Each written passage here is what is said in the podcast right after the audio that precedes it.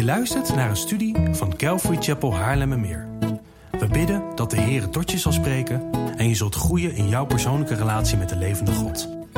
Bezoek voor meer informatie onze website calvarychapel.nl. Dat is C A L V A R Y C H A P E L.nl.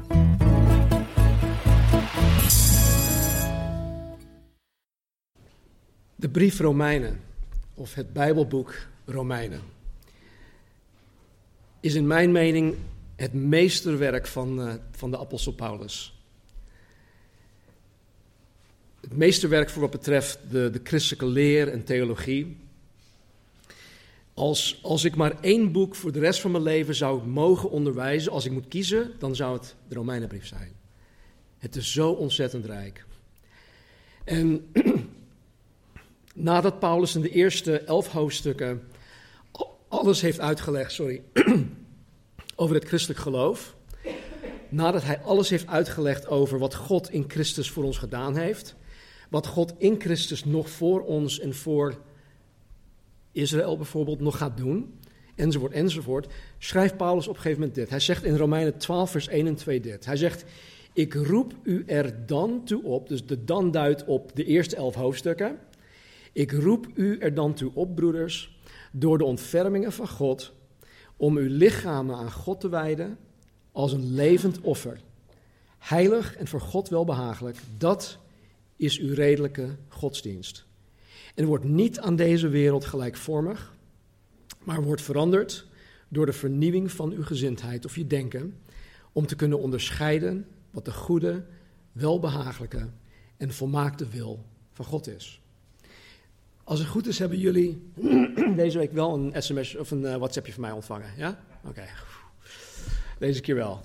Um, ik had in het berichtje um, gezet dat het lastig is om de wil van God te kunnen onderscheiden.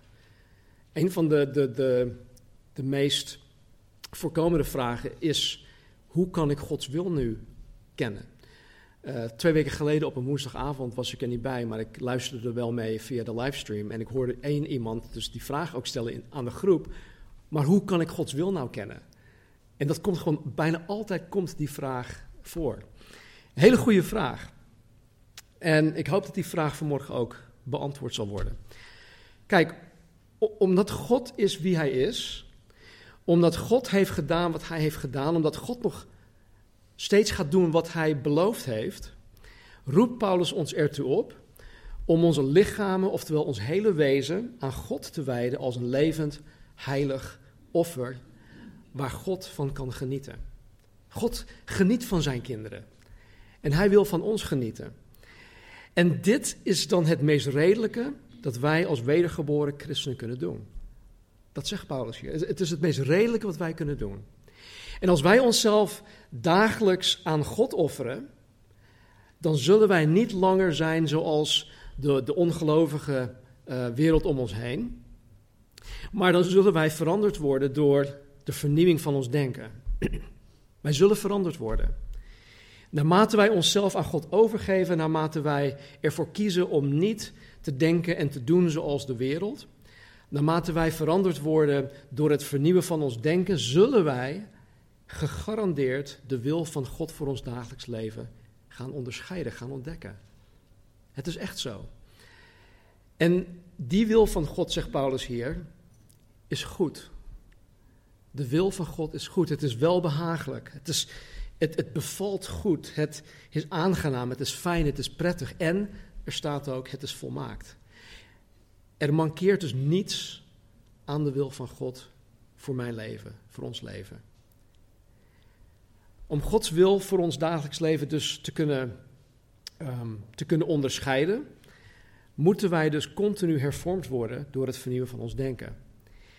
En ja, hoe gaat dat te werk? Um, het, is, het is iets bovennatuurlijks. Ik kan het niet uitleggen hoe dat werkt. God doet dat door middel van zijn woord. Gods Heilige Geest die in ons woont, die doet dat. Het is uiteindelijk de Heilige Geest in ons die ons hervormt, die ons denken vernieuwt. En de methode dat de Heilige Geest gebruikt om ons te hervormen, om ons denken te vernieuwen, is dat Hij het woord van God aan ons kenbaar maakt. De Heilige Geest, die ook de Geest der waarheid genoemd wordt door Jezus, maakt het woord van God aan ons verstaanbaar, zodat wij het kunnen snappen, zodat wij iets ermee kunnen, zodat wij ernaar kunnen handelen. En zodat het voor ons gewoon praktisch wordt en niet alleen theoretisch of dat het heel abstract blijft. Nou, bij het hoofdstuk, of het hoofdstuk dat we vanmorgen gaan behandelen, uh, hoofdstuk 3, geeft ons iets specifiek om ons te helpen Gods wil voor ons dagelijks leven te gaan onderscheiden. En dat is de Spreuken hoofdstuk 3. Nou, zoals ik al eerder heb gezegd, is Spreuken het meest praktisch boek in het Oude Testament. Uh, Spreuken leert ons de vaardigheden om dagelijks goed te kunnen leven, te midden van een ja, goddeloze, vijandige wereld.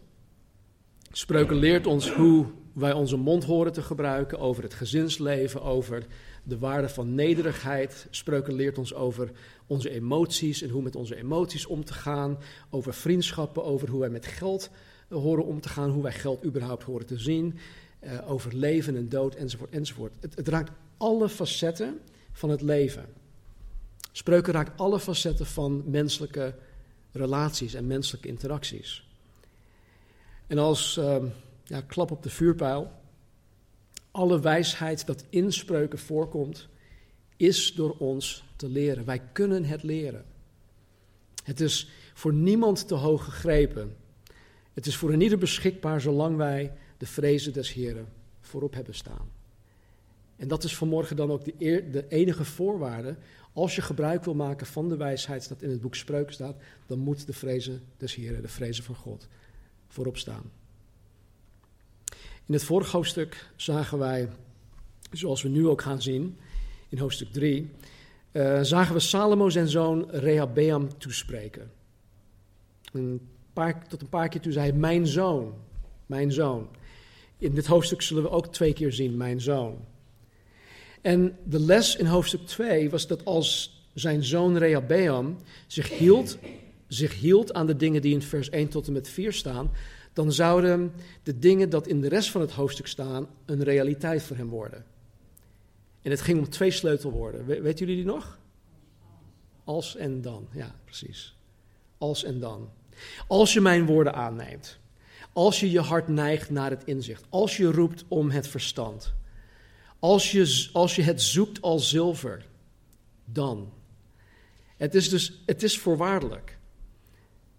Het is, het is voorwaardelijk. Als je dit doet, dan. En nu hier in hoofdstuk 3 gaat Salomo er weer verder. Tot twee keer toe zegt hij weer, mijn zoon. Um, de meeste van jullie zullen dit waarschijnlijk niet interessant vinden, maar sommigen wel. In uh, versen 1 tot en met 12 zien wij in de oneven verzen een aansporing of een, een voorwaarde. En in de even verzen zien wij de positieve gevolgen daarvan wanneer wij ons aan deze voorwaarden houden. Dus laten we gewoon beginnen met uh, Spreuken hoofdstuk 3, vers 1. En dan gaan we er langzaam doorheen.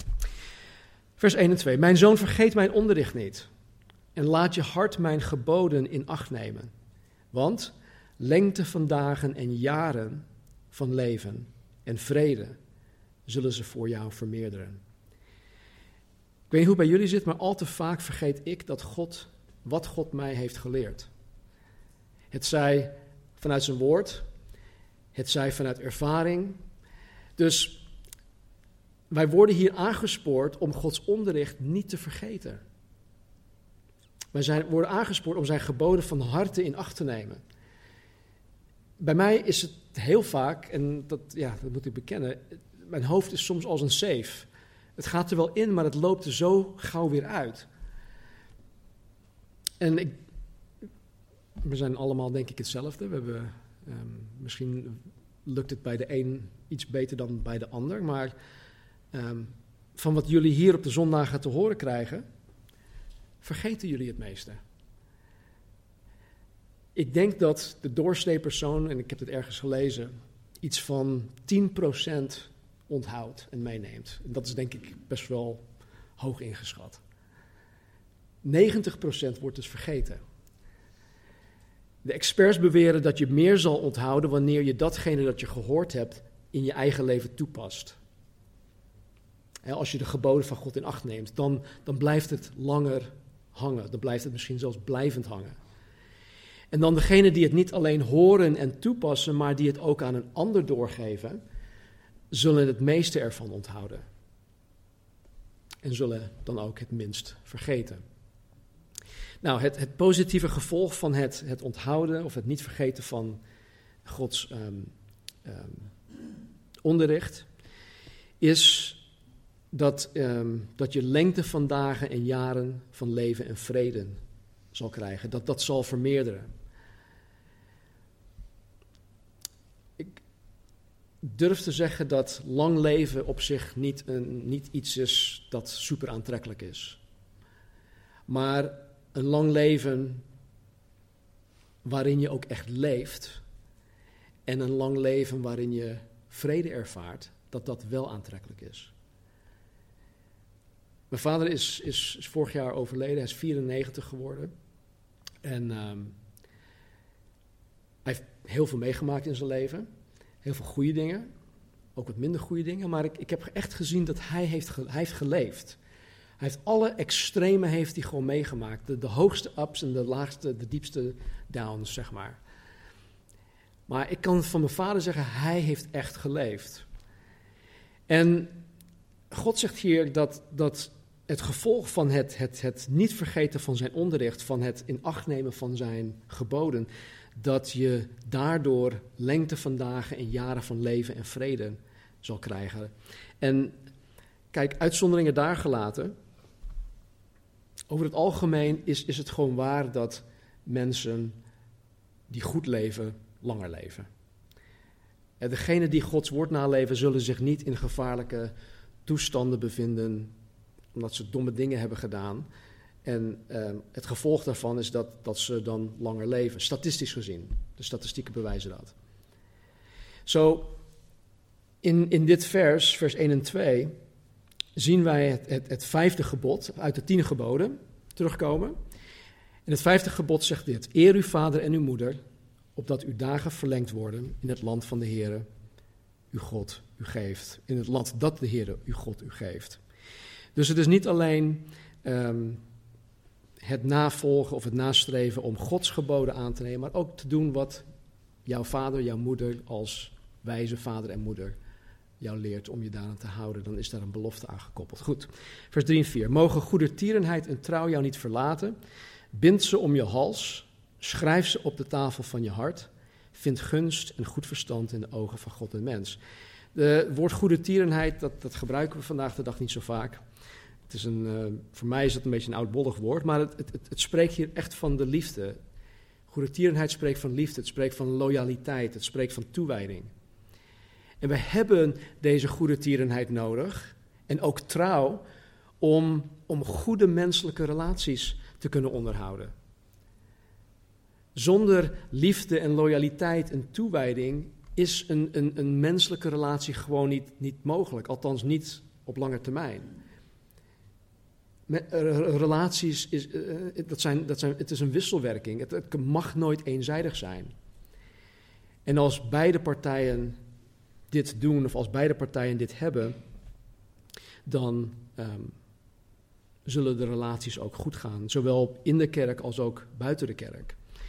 En dan zegt Salomo, door deze um, om je hals te binden, om deze op de tafel van je hart te schrijven, dat geeft aan dat deze karaktereigenschappen blijvend aanwezig moeten zijn. Mijn vrouw die heeft een, een bepaalde ketting gekregen. Dat is nu al, de, zij is volgens mij de vijfde generatie die deze ketting heeft. En ze, ze doet hem om en ze, doet hem, ze haalt hem niet af. Ik, ik mijn, mijn trouwring, dat, dat blijft gewoon. En hij zegt hier dus, het, het, het moet blijvend zijn, het moet blijvend aanwezig zijn. Dus niet de ene keer wel en de andere keer niet.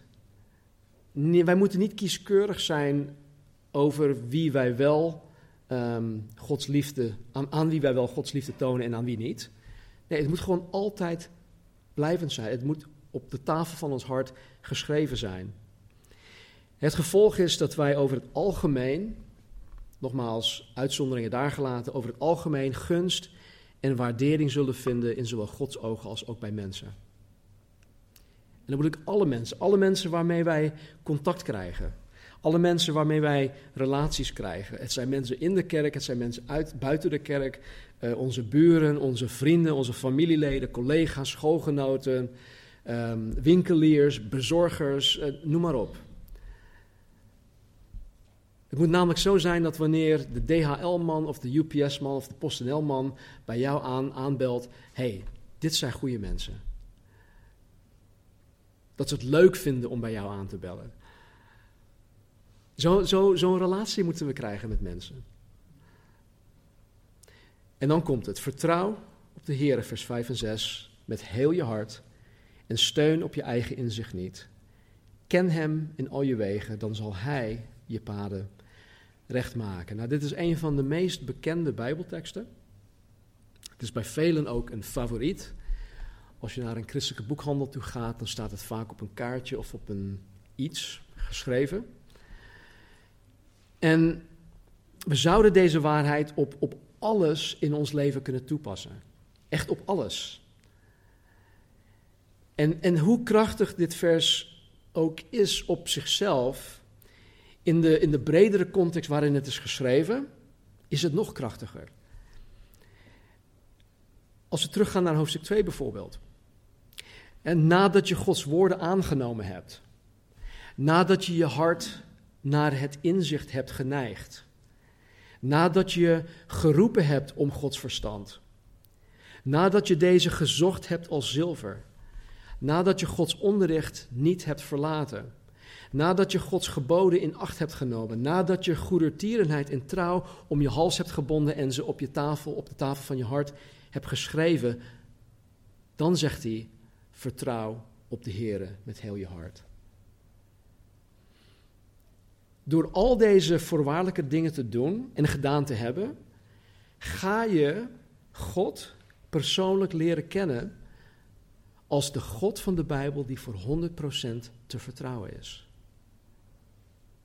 Je gaat Hem persoonlijk leren kennen. Want door al deze dingen samen met God gedaan te hebben, bouw je je relatie met God op.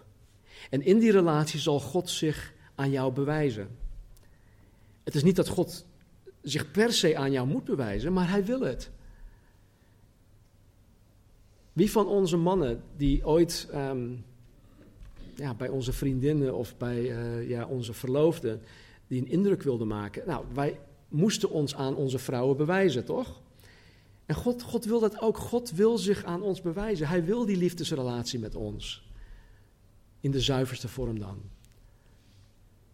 In 2 Kronieken 16, vers 9 staat dit. De ogen van de Heer trekken over de hele aarde. Dus hij, hij is continu aan het scannen. Met zijn ogen. Continu op zoek. Om zich sterk te bewijzen aan hen van wie het hart volkomen is met hem. Dus God is op zoek naar mensen aan wie hij zich sterk kan betonen. Hij is op zoek naar mensen aan wie hij zichzelf kan bewijzen.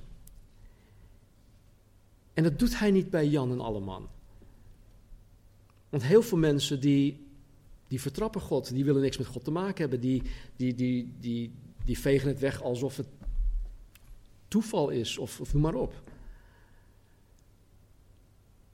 Maar voordat ik op een 26-jarige uh, leeftijd tot geloof kwam, nu pas zie ik dat in al die jaren God toch met mij bezig was. Dat Hij zichzelf aan mij probeerde te bewijzen om mijn aandacht te krijgen. Om mij uiteindelijk te redden. Van mezelf, van mijn eigen wijsheid, van de zonde, van de dood, de eeuwige dood. Dus zijn ogen gaan over de hele aarde om zich sterk te bewijzen aan hen van wie het hart volkomen met hem is. Salomo weet uit, uit ervaring dat God waardig is om te vertrouwen. En vandaar dat hij zijn zoon en ook ons hier aanspoort om God met heel ons hart te vertrouwen. Ik weet het, het gaat tegen onze natuur in om op God te vertrouwen. Wij vertrouwen liever op alles behalve de onzichtbare God van de Bijbel. Als je erbij stilstaat, hè, zijn, wij, zijn wij gewoon gestoord. Wij geloven in een onzichtbare God. Dat is voor de wereld is dat gewoon, wij, ja, ze denken dat wij gewoon koekoe zijn.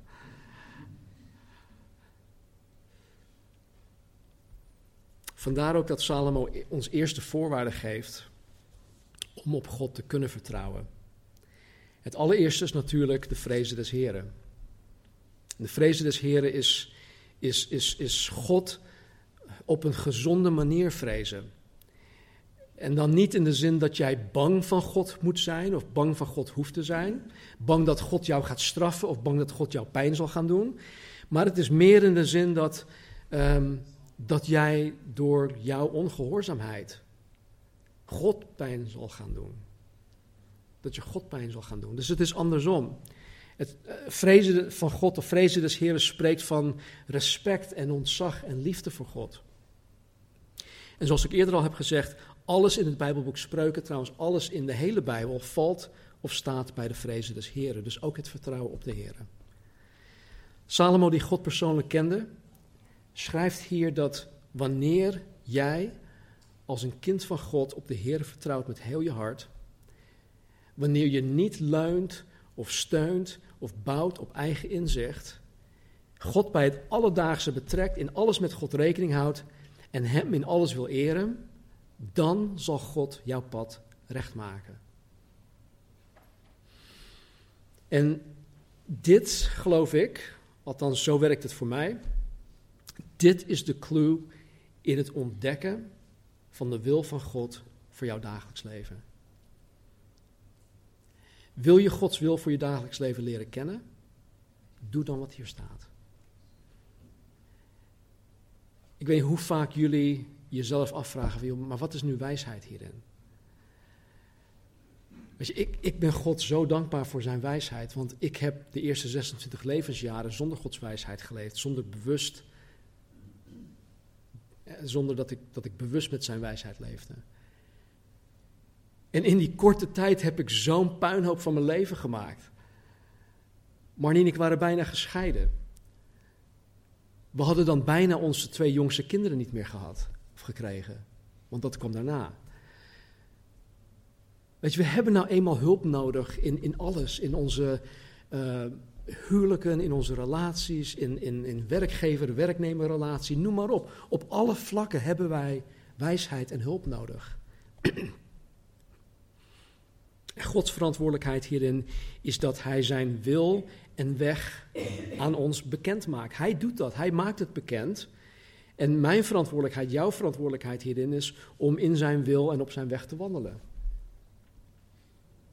Het rechtmaken van jouw paden betekent hier niet alleen dat God zijn wil en zijn weg aan ons, uh, aan je bekend zal maken, maar dat God jou ook veilig door alle moeite van het leven zal leiden. Ik weet dat er heel veel moeite is in het leven. Als we nu allemaal gaan, op, gaan, gaan opnoemen wat voor moeite wij allemaal hebben, dan, dan zijn we de rest van de dag gewoon hiermee bezig. Het leven is nou eenmaal zwaar. Maar God is in alles te vertrouwen. Vooral in de meest onmogelijke levenssituaties. God is te vertrouwen in de moeilijkste omstandigheden. Hij wil niet alleen zijn, zijn wil en weg bekendmaken, maar hij wil ons veilig door al deze dingen heen leiden. Vers 7 en 8. Wees niet wijs in je eigen ogen. Vrees de Heer, keer je af van het kwade. Het zal een medicijn zijn voor je navel en verfrissing voor je beenderen. Hebben jullie ooit medicijn voor je navel gezien op de schappen bij de etels? nee. nee, ik ook niet. Ja, dit is zo'n term wat eigenlijk gewoon betekent je hele wezen. Je navel, dat, dat spreekt van je hele lichaam, je hele wezen, wie je, wie je bent. Maar hij zegt, wees niet eigenwijs of wees niet wijs in je eigen ogen. Dus door niet eigenwijs te zijn, maar door uh, teachable te zijn, hè, door onderwijsbaar te zijn, door ontvankelijk te zijn voor bijbelse raad en advies, door corrigeerbaar te zijn, zal het goed zijn voor je hele wezen. Het zal goed zijn voor je hele wezen. Ik had onlangs een gesprek met iemand die het ehm, had over het wel of niet vergeven van iemand. En ik kwam op dat moment niet op, de, op, de, op iets wat ik wilde zeggen, maar als ik iemand niet vergeef, dan is het gelijk aan uh, dat ik gif drink, maar dat ik verwacht dat die andere persoon doodgaat. Dat heb ik van David Guzik. Weet je, dus we hebben gewoon hulp nodig. We hebben hierin hulp nodig, want als wij mensen niet, niet kunnen vergeven of willen vergeven, dan is het alleen maar slecht voor jezelf. Vers 9 en 10. Vereer de Heer met je bezit, met de eerstelingen van heel je opbrengst. Dan zullen je schuren gevuld worden met overvloed en je perskuipen overlopen van nieuwe wijn. Nou, ik weet dat wij geen schuren hebben, geen perskuipen hebben, maar het heeft vandaag de dag nog steeds een, een, een actuele toepassing. Wanneer je tot geloof in Jezus Christus komt, wanneer je wedergeboren bent door de geest van God, dan krijg je op een gegeven moment, en voor een ieder is dat verschillend, maar je, je, je krijgt op een gegeven moment het besef dat niets meer van jou is. En ook dat varieert natuurlijk. Hè. Als ik bijvoorbeeld dit ding heb, dan is dit mijn iPhone. Jullie komen hier niet aan. Maar snap je wat ik wil? Het, is eigenlijk niet van mij. Ik, ik hoor het eigenlijk gewoon als niet van mij te beschouwen. En wanneer je tot dat besef komt, dan kom je ook tot het besef dat, dat alles dat je bezit door God aan jou gegeven is. En ook door God aan jou toevertrouwd is. Wij, wij zijn slechts rentmeesters van alles dat wij bezitten. Wij zijn beheerders of managers. Het is niet van ons. En hier schrijft Salomo dat wanneer je God vereert met je bezit, en hiermee bedoelt hij de eerstelingen, de eerstelingen van je opbrengst, dat wil zeggen het allerbeste deel, dus niet de overblijfselen, dan zal God jou dubbel en dwars zegenen. Niet ten nadele van hele lieve mensen die in het verleden heel veel aan ons hebben gegeven. Maar toen wij hier kwamen hadden we helemaal niks. Marnie en ik en eh, onze vier kinderen. Ik had duizend dollar en we hadden geen uh, woning, we hadden geen werk, helemaal niks. Maar goed, door de jaren heen heeft God in heel veel dingen voorzien. Maar we kregen bijvoorbeeld uh, banken en bedden en noem maar op. We kregen heel veel dingen om onze inboedel een beetje op orde te krijgen. En het is, het, is, het is bijna altijd zo, niet, niet altijd, maar bijna altijd zo, dat wij de dingen kregen die mensen niet meer wilden hebben. Het was of, hé, hey, uh, we kunnen het aan Stella Marnie geven, of, uh, of het gaat naar de kringloop, of het gaat naar, naar grofvuil. Nogmaals, we zijn super dankbaar voor alles wat we gekregen hebben, maar dat is wel onze gedachte. Zo, zo zitten wij nou eenmaal in elkaar. En wat, wat Salomo hier zegt is, breng um, de eerstelingen van je opbrengst, het allerbeste deel, dus niet wat overblijft. Nou, ik wil dit nog even zeggen. Ik, ik weet dat er veel um, zogenaamde kerken zijn en bedieningen zijn die erop hameren dat mensen geld moeten geven voordat God hun kan zegenen. Dat is 100% fout en is nooit Gods bedoeling in dit soort cirkels geeft men dus om te krijgen. De motivatie is: hey, Stan zegt jullie moeten geven, want als je geeft, dan krijg je honderdvoudig terug. Dus dan geef je om te krijgen, dat is de motivatie. Maar in Gods economie krijgen wij sowieso alles van God, waardoor wij het beste aan God terug kunnen en mogen geven. Wij geven dus niet om te krijgen, maar wij krijgen om te kunnen geven. Dat is heel wat anders.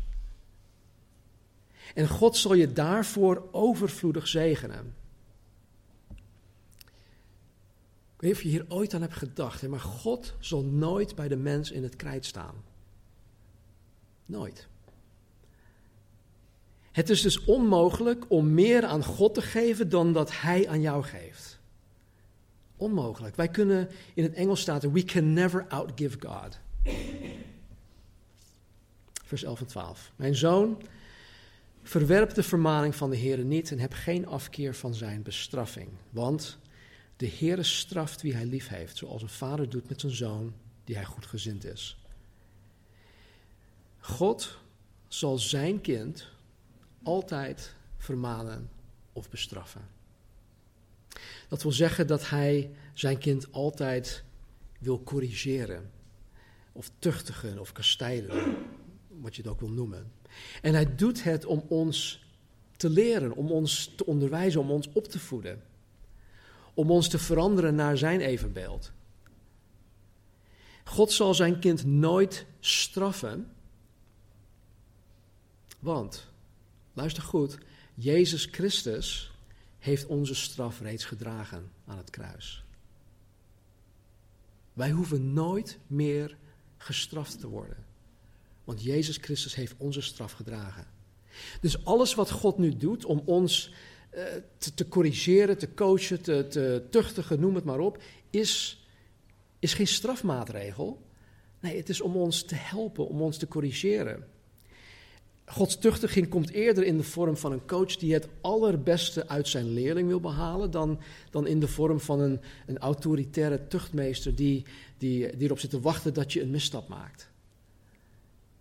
Heel veel mensen met een katholieke achtergrond hebben dat beeld van God. Dat God als het ware met zo'n. Ik weet niet of je dat op de kermis ooit hebt gezien. Zo'n ding heb je zo'n uh, ding in je hand. En dan komen van die, die uh, marmotten of zo uit die gaten. En dan moet je ze slaan. Nee, nooit gezien. Anyway. Maar mensen denken vaak dat, dat God zo is. Hij staat met die knuppel klaar. En oh, oh die Stan maakt tenminste al. Bam! Oh, Kim die doet je fout. Bam! Nee, maar, maar zo is God niet. Zo is God echt niet. Maar, hoe dan ook, Gods correctie, Gods tuchtiging zal nooit goed voelen. Het zal echt nooit, nooit goed voelen. Je zal nooit zeggen, oh heer, heerlijk heer, tuchtig mij maar. Nee, het zal echt nooit goed voelen. We zullen er altijd een afkeer aan hebben. Dat is onze, onze natuur. Wij zullen er een afkeer aan hebben. Want vaak komt zijn tuchtiging in de vorm van een overtuiging. De Heilige Geest overtuigt je over een bepaalde zonde in je leven.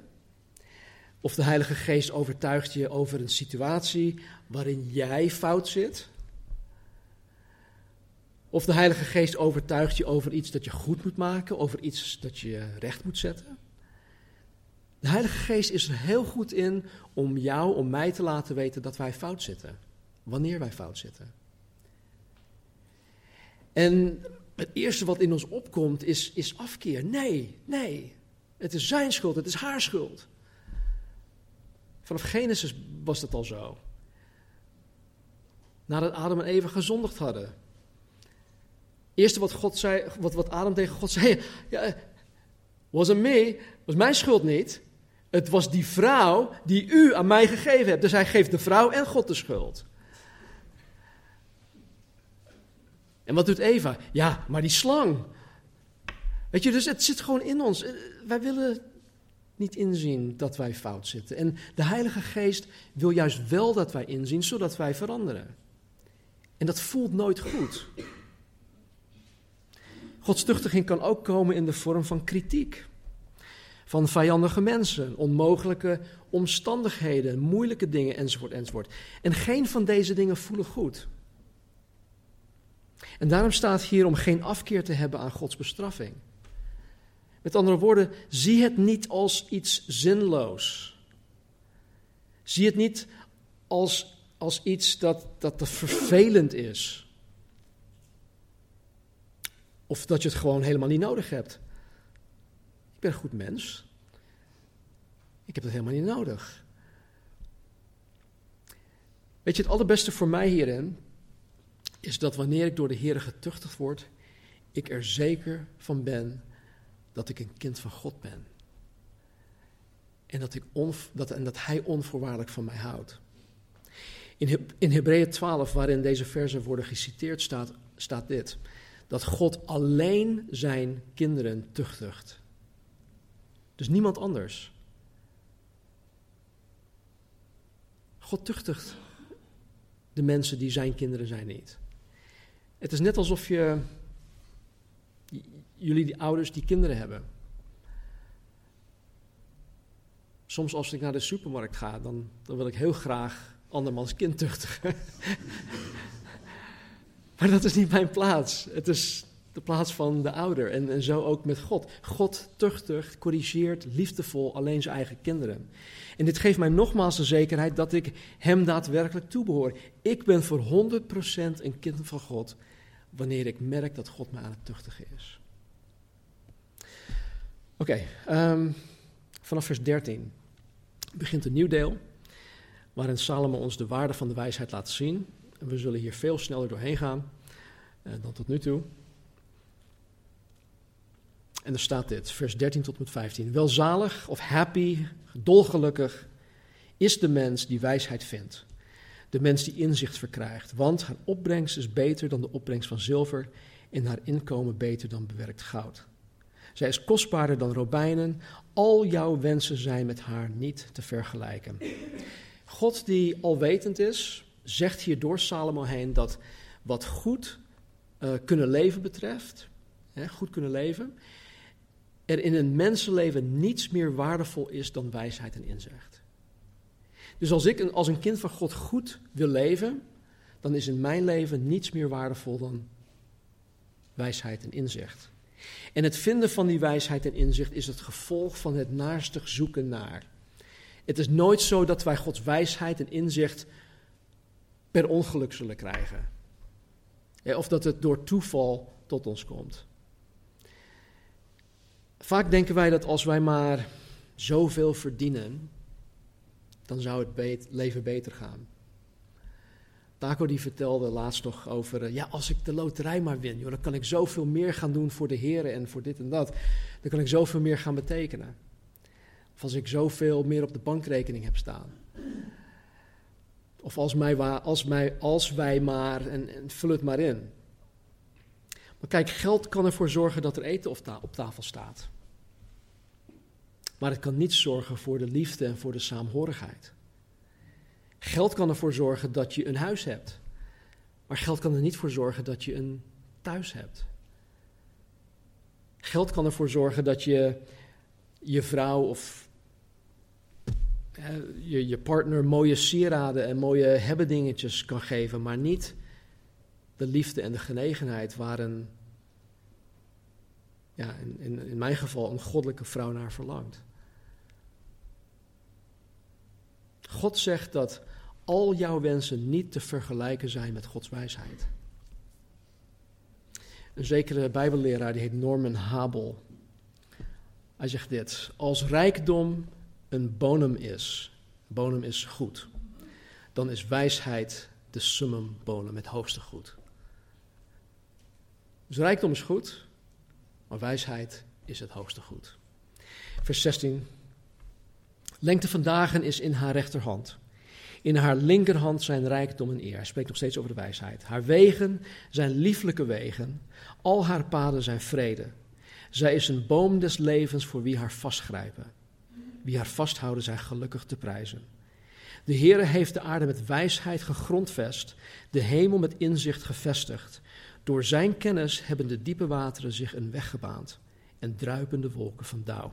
Dus als de God van de Bijbel door wijsheid hemel en aarde heeft geschapen, waartoe is zijn wijsheid dan niet in staat? Als God door zijn wijsheid de hemel en aarde heeft geschapen, waartoe is de wijsheid van God dan niet in staat? Waartoe is het niet toereikend?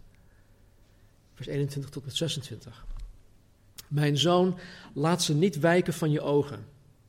Houd ze op je netvlies. Neem wijsheid en bedachtzaamheid in acht. Ze zullen leven zijn voor je ziel, een sieraad voor je hals. Het zal je sieren. Dan zul je je weg onbezorgd gaan en je voet niet stoten. Als je neerligt, zul je niet angstig zijn. Je zult neerliggen en je slaap zal aangenaam zijn. Wees niet bevreesd voor plotselinge angst of voor verwoesting door goddelozen als die komt want de Heere is je hoop. Hij zal je voet bewaren voor gevangenschap. Toen ik dat stukje las in vers 23, dan zul je je weg onbezorgd gaan en je voet niet stoten, moest ik denken aan het staan op een stukje Lego. Ik weet niet of jullie dat ooit hebben gedaan met blote voeten. dat is zo verschrikkelijk. Je gaat s'nachts naar de wc toe of zo, dan loop je in het donker en dan, oh, trap je ineens op een stukje Lego. Anyway. Ehm, wijsheid en inzicht zullen je leven geven. Ze zullen je laten weten en voelen dat je daadwerkelijk leeft. Met alle ups en downs. Met alle extremen. Je zal niet wat de moderne wetenschap en humanisme en de psychologie probeert te doen met de mens. Zij proberen de mensen af te vlakken. Zodat je niet van die diepe dalen hebt, zodat je niet van die extreme hebt. Maar God wil juist dat wij leven, dat wij alles voelen, dat we alles ervaren, dat we alles meemaken. Hij wil niet dat wij afgevlakt of afgemat door het leven heen gaan. Je zal je weg onbezorgd gaan. Dat wil zeggen dat je, veilig, dat je je veilig zal voelen, overal waar je komt. En dan niet alleen om, om de wetenschap dat je in Gods hand veilig bent, maar ook omdat je de wijsheid hebt waardoor je niet uh, foute keuzes zal maken, waardoor je in gevaarlijke situaties terechtkomt. God heeft mij gelukkig genoeg wijsheid te geven om niet naar bepaalde plekken toe te gaan. Dat heb ik niet voor mezelf. Nee, God leert me dat. God leert je gewoon om slimme keuzes te maken. En je zal ongeacht de situatie niet angstig zijn wanneer je gaat slapen. Je hoeft je geen zorgen te maken wanneer je gaat liggen. Weet je, vooral jongeren denken vaak dat die gasten die zo'n spannend leven leiden, het echt voor elkaar hebben. Ze kijken op, ze kijken op tegen die, die gasten, die, die bondkraagjes en noem maar op. En want ze hebben het voor elkaar. Ogenschijnlijk hebben ze het voor elkaar, want ze hebben een groot huis, ze hebben een dikke auto, ze hebben vrouwen om zich heen en noem maar op. Ze hebben altijd geld, ze nou, al dat soort dingen. Dat is heel aantrekkelijk, vooral, vooral voor jonge mensen. Maar ik weet uit ervaring dat wanneer je je bezighoudt met foute dingen, je s'nachts gewoon niet goed kan slapen. Je slaapt gewoon niet goed. Aan de buitenkant lijkt het erop dat zij succesvol leven. Maar je, we weten niet waar zij aan denken. Wij weten niet waar zij over malen wanneer ze hun hoofd neerleggen op hun kussen.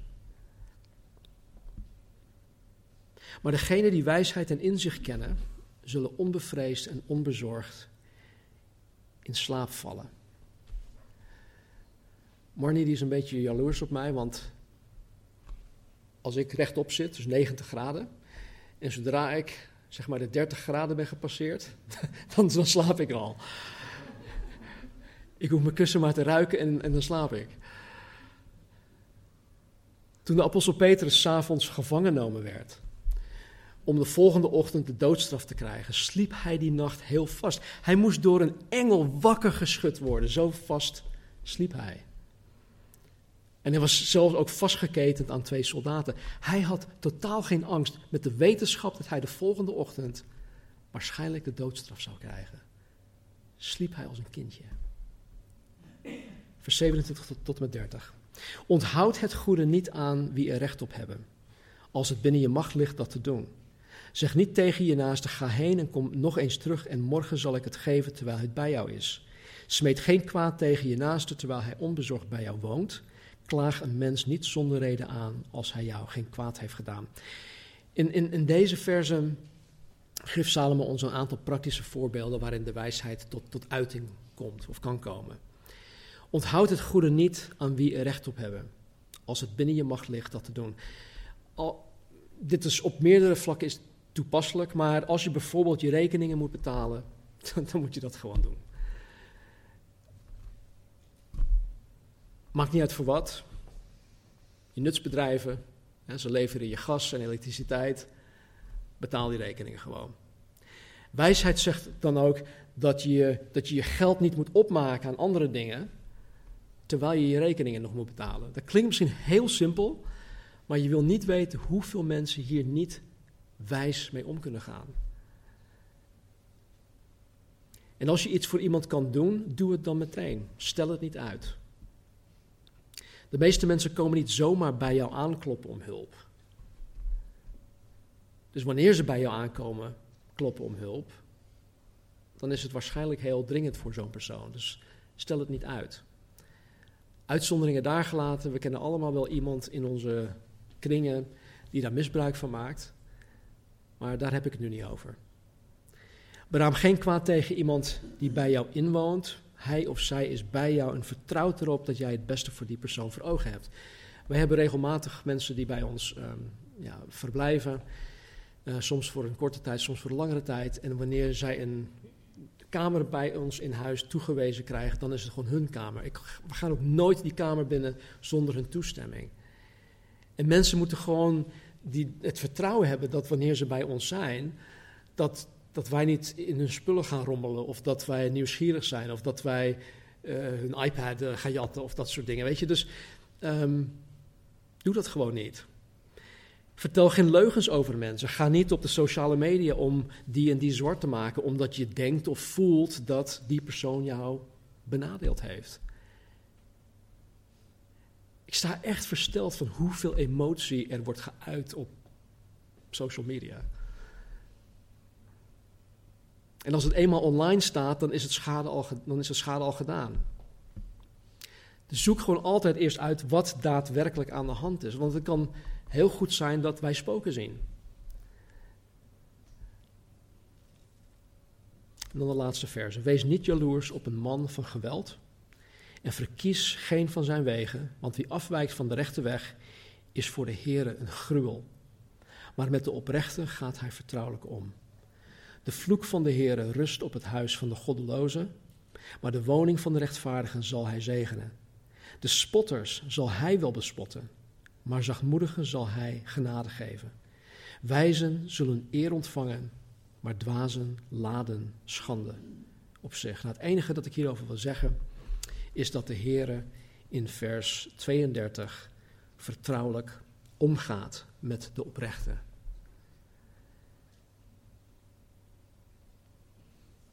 Wanneer ik dicht bij de Heere leef, wanneer ik zijn woord aanneem en zijn wijsheid nastreef, wanneer ik in alle oprechtheid hem navolg en dien tot eer en glorie van zijn naam, dan neemt God mij in vertrouwen. Ik kan niet bevatten dat de God van de Bijbel, de schepper van hemel en aarde, mij zijn hemelse raad toevertrouwt. Dat hij zijn hart met mij deelt. Dat hij vertrouwelijke zaken met mij deelt.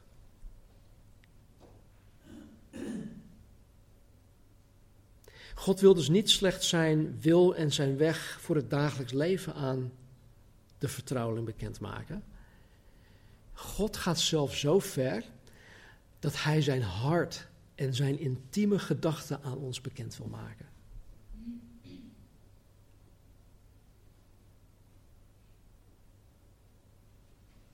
God is voor 100% te vertrouwen. Ben jij dat? Ben ik dat?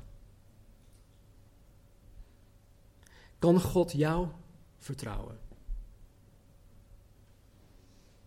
Kan God zijn vertrouwelijke dingen aan jou toevertrouwen?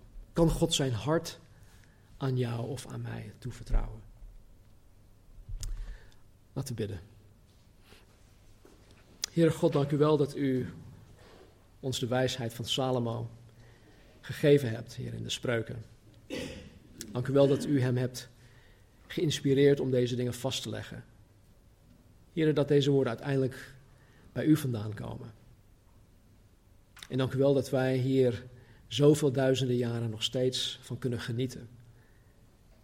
En dat wij ja, hierin uw hulp krijgen. Hier om wijs te kunnen handelen.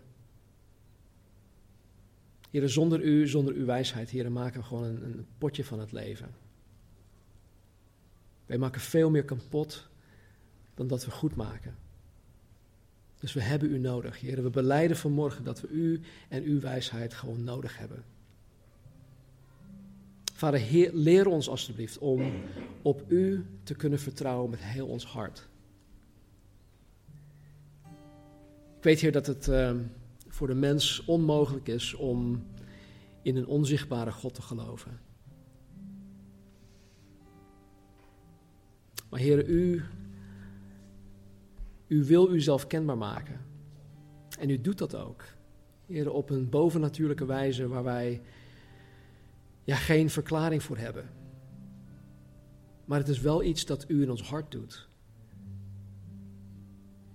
En zoals niemand ons kan wijsmaken dat de lucht niet blauw is, heren, kan niemand ons ook wijsmaken dat u niet echt bent en dat u ook niet echt het werk in ons hart doet. Dus maak uzelf vanmorgen kenbaar. Jezus, u zei tot twee keer toe in Johannes hoofdstuk 6 dat niemand Heer, tot u kan komen. Niemand in u zou kunnen geloven tenzij God de Vader hem of haar trekt. Dus Vader God, wij bidden, wij smeken u, Heer, dat u mensen naar u toetrekt, naar Jezus toetrekt. Mensen die u nog niet kennen. Doe dat vanmorgen, Heer. Help ons om u te leren kennen. Help ons om stap voor stap gewoon door te gaan om te volharden. Heer, al vallen wij, Heer, help ons om weer op te staan. Want Heer, het gaat echt alleen door vallen en opstaan. U weet het. Help ons om dat ook in te zien. Bemoedig ons daarin. En help ons om, om die weg te vinden, Heer, de weg die naar U leidt, naar Uw wijsheid.